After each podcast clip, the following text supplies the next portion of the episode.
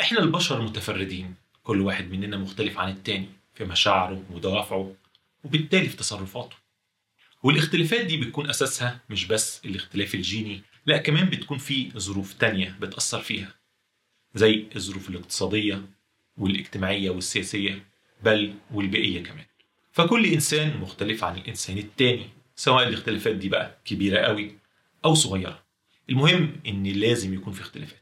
وبناء عليه كل مجموعة من البشر أكيد مختلفة عن المجموعة التانية من البشر بحسب خصائصهم الوراثية وطريقة تربيتهم وبحسب الظروف المحيطة زي ما قلنا وكمان مكان السكن والوظيفة وغيرها من الظروف اللي بتأثر على تفكير البشر وبالتالي على تصرفاتهم. يعني الناس اللي عايشين في القاهرة أكيد هيتصرفوا بطريقة مختلفة خالص عن الناس اللي في أسوان والأطباء أكيد هيتصرفوا بطريقة مختلفة عن الرسامين والفنانين والساسة اللي إيديهم في دهاليز الحكم أكيد مختلفين تماما عن الشعراء والحالمين بالتغييرات الرومانسية الثورية. والكلام ده أكيد طبعا هينطبق على نطاق أوسع. أكيد الناس اللي في مصر مختلفين في تصرفاتهم عن الناس في فرنسا أو في الصين أو بوليفيا.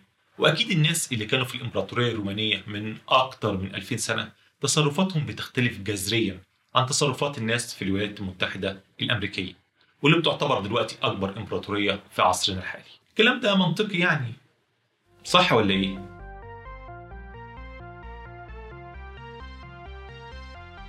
والله أول كام نقطة اللي هي إن في اختلافات كبيرة ما بين تصرفات الأفراد والمجموعات الصغيرة العلماء والمتخصصين ما بيختلفوش عليها لكن في انقسام كبير جدا في الرأي بخصوص المجموعات الكبيرة من البشر خصوصا في الدول والحضارات الكبرى في مجموعة من العلماء والمتخصصين ودول جايين من خلفية دراسة تاريخية بحتة ودول يعني المؤرخين اللي بيدرسوا مناهج التاريخ في الكليات وبيتخرجوا عشان يزوروا المتاحف والأرشيفات ويقابلوا الساسة وشهود العيان والمؤرخين من العصور اللي قبليهم. الجماعة دول اللي هم المؤرخين واثقين ومتأكدين من وجهة النظر اللي بتأكد التفرد لكل مجموعة من البشر سواء صغيرة جدا أو كبيرة جدا. وده لأن الظروف المختلفة عبر الزمان والمكان بتخلي البشر تصرفاتهم متباينة ومختلفة عن بعض. وأي تشابه في تصرفات الشعوب بيكون ناتج بدرجة كبيرة عن صدفة خلت الظروف تتشابه مش أكتر. لكن في مجموعة تانية من العلماء ودول بيكونوا جايين من خلفيات تانية غير التاريخ المحض الصرف. زي مثلا يكونوا علماء اجتماع أو علم نفس خصوصا اللي جايين من خلفيات رياضية زي الإحصاء. والعلماء دول رأيهم إن لأ البشر في المجموعات الكبيرة تصرفاتهم متشابهة بل ويمكن التنبؤ بيها قبل ما تحصل وبدرجة كبيرة جدا من الدقة. يعني زي ما تقدر تتنبأ بتصرفات مجموعة من القطط أو الكلاب أو القرود أو حتى الخنافس والنمل. تقدر تتنبأ بتصرفات البشر في المجموعات الكبيرة. والكلام ده مش المقصود بيه إنك تتنبأ بردود أفعال البشر من غضب أو فرح. لا. الكلام ده المقصود بيه التنبؤ بمصائر الدول والشعوب. يعني يقول لك الناس دول هتحصل لهم أزمة اقتصادية في سنة كذا لسنة كذا ويحصل لهم أزمة اجتماعية من سنة كذا لسنة كذا. وممكن يحصل عندهم كمان حرب أهلية نتيجة كل ده سنة كذا يعني الموضوع مش بس بيتنبأ بالتصرفات الحيوانية لا لا ده بيوصل بالعلماء دول إنهم يتوقعوا اللي يحصل للشعوب والدول زي ما طالب في معمل ما يتوقع نتيجة تجربة كيميائية قبل ما يقوم بيها أصلا. الأسبوع ده نزلت مقالة مثيرة في مجلة الأتلانتيك ودي واحدة من أهم وأعرق المجلات الثقافية والسياسية في الولايات المتحدة. المقالة بعنوان Can history predict the future؟ هل يستطيع الماضي أو التاريخ أو دراسة التاريخ أن تتنبأ بالمستقبل؟ وتحته كده عنوان ثانوي مخيف. العقد القادم اللي هو العشر سنين الجايين هيكونوا أسوأ. في المقالة الكبيرة الغنية دي الصحفي اللي كاتبها اللي هو جرايم وود عمل عدد محترم من المقابلات مع مؤرخين وخبراء في الكتابة التاريخية. لكن أهمهم واللي المقالة دي بتدور حواليه بالأساس هو البروفيسور بيتر تيرشن عالم الأحياء البيئية الأمريكي اللي من أصول روسية زي ما هو باين من اسمه. بيتر تيرشن كان عالم وأستاذ في تخصصه لفترة كبيرة من عمره وكان بيدرس نوع معين من الخنافس. لكن فجأة حصلت له أزمة منتصف العمر وحياته اتغيرت. لكن البروفيسور العالم تيرشن أزمة منتصف العمر عنده مختلفة عند أزمة منتصف العمر عند الأشخاص العاديين الرجال العادية يعني. اللي بيكتشفوا إن عمرهم راح فشوش فيقرروا إن هم يغيروا حياتهم يطلق مراته ويرمي ولاده ويجري ورا بنت صغيرة في عمر ولاده عشان يتجوزها. لا. ترشن لما بقى أستاذ وخبير كبير في تخصصه لقى إنه خلاص اكتفى من الموضوع ده وما عندوش جديد يقدمه قال لا أنا مش هقضي بقية عمري في موضوع خلاص قتلته بحثا أنا هنتقل لتخصص تاني يكون عندي ليه شغف كبير. تورشن اللي يعتبر سبع صنايع والبخت مش ضايع قرر يكمل شغله في تخصصه الأصلي اللي هو ال ecology الأحياء البيئية وكمان في قسم علم تطور الأحياء. يعني عشان مرتب وتأمين نفسه. لكنه برضه قرر ينضم لقسم الأنثروبولوجي اللي هو علوم الإنسان والقسم ال mathematics اللي هو الرياضيات.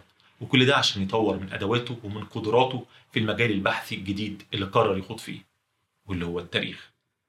تورشن عمل إنجازات كبيرة في تخصصه الأساسي عن طريق دمج علوم الإحصاء الحديثة في دراسة النتائج البيولوجية ولما اتنقل لدراسة التاريخ قرر إنه يعمل نفس الكلام مع البيانات التاريخية كتير من المؤرخين والمتخصصين بيختلفوا مع النتائج اللي توصل لها تورشن لكن قليل منهم اللي هينكر مجهوده كبير في إنشاء قاعدة بيانات ضخمة للحضارات الإنسانية المتعاقبة في آخر 10000 سنة من عمر البشرية. النتائج اللي توصل لها تورشن واللي بدأ يطلع بيها من 2006 واللي ابتدأت تاخد زخم في 2010 كانت نتائج مذهلة وأثارت التعجب والدهشة عند كل اللي سمعها. وده لأنها بتحدد بدقة بالسنوات والتواريخ إيه اللي هيحصل في الدولة دي في السنة دي. لدرجة إن البعض قال عليه ده بالنسبة لنا كده كمتخصصين في التاريخ زي نوستراداموس لعلماء الفلك. يعني قصدهم من الآخر إنه منجم ودجال. تورشن بيقول إنه من خلال دراسته اللي أجراها على قاعدة البيانات اللي فيها تاريخ البشر في آخر 10000 سنة بيقول إنه توصل لقوانين واضحة صلبة تخليه يقدر يتنبأ بمسارات ومقدرات الجماعات البشرية المختلفة. كاتب المقال طبيعي مش مهتم بكل دول العالم وأكيد اهتمامه الأكبر منصب على الولايات المتحدة الأمريكية خصوصا في فترة الزخم والتخبط اللي أمريكا عايشاها من 2016 من ساعة ما دونالد ترامب ما ظهر في الصورة. ولما الصحفي سأل تورشن عن تنبؤاته لأمريكا رد تورشن الحاسم كان مخيب للآمال بل ومخيف. قال إن الوقت خلاص عدى. It's too late. المشاكل في نظام الولايات المتحدة الأمريكية عميقة وهيكلية. مش مجرد مشاكل بسيطة تقدر الماكينة الديمقراطية العتيدة إنها تحلها بسهولة. تورشن كان بيحذر من المآل المرعب للولايات المتحدة من 2010 وبيقول إن الوقت اللي عدى اللي هو العشر سنين اللي فاتت كانت الفرصة عشان سفينة تايتانيك اللي هي أمريكا تقدر تعدل من مسارها وتتفادى جبل التلج اللي في طريقها. إنما إحنا دلوقتي خلاص بنسمع صوت مقدمة السفينة وهي بتحك في الجبل وخلاص هتلبس فيه. تورشن بيقول إن الأمريكان قدامهم خمس سنين صعبين بيسميهم five hellish years أو خمس سنوات من الجحيم. ممكن يوصلوا عشر سنين وأكتر كمان. طب الخمس سنين الكارثيين دول هيحصل فيهم إيه؟ تورشن بيتنبأ بالعنف والفوضى. مستويات ممكن توصل لعنف نهايات الستينات وبدايات السبعينات. وقت المظاهرات اللي طلعت ضد حرب فيتنام والمظاهرات المؤيدة لحقوق المدنية للسود وطبعا اللي كانت مضادة ليها. بس ده السيناريو الأفضل من وجهة نظر تورشن أما السيناريو الأسوأ فهو الحرب الأهلية.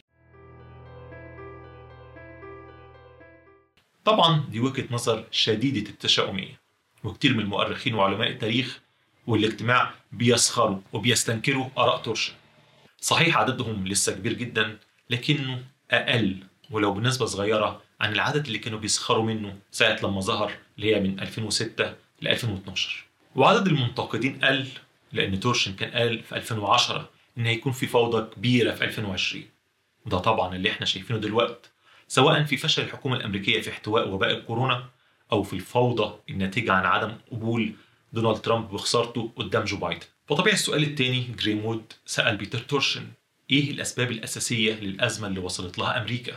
والحقيقة رد تورشن كان صادم أكتر من تنبؤاته. تورشن قال إن السبب هو زيادة ونمو الصفوة بشكل كبير في المجتمع الأمريكي يعني زيادة التعليم والثروة من أفراد الطبقة العليا هو ده اللي عمل الأزمة دي. ودي نقطة بقى ومجال كبير محتاج حلقة لوحدها عشان نتكلم فيه لأن فيها وجهة نظر ومنطق مذهل وتفاصيل كمان لطيفة. في ريبورتاج الأتلانتيك الصحفي وود برضو عمل حوارات تانية مع متخصصين ومؤرخين غير طبعا ترشن ودول منهم كان اللي في صفه واللي ضده واللي معاه في نقط وضده في نقط تانية. لكن طبعا وقت الحلقة ما يسعش ده كله. هتلاقوا رابط المقالة في التعليقات على الفيسبوك وفي وصف الفيديو على اليوتيوب. ده كل اللي عندي النهاردة. أتمنى الحلقة تكون أفادتكم وكالعادة في انتظار أسئلتكم ومقترحاتكم. شكرا وأشوفكم على خير الحلقة الجاية. مع السلامة.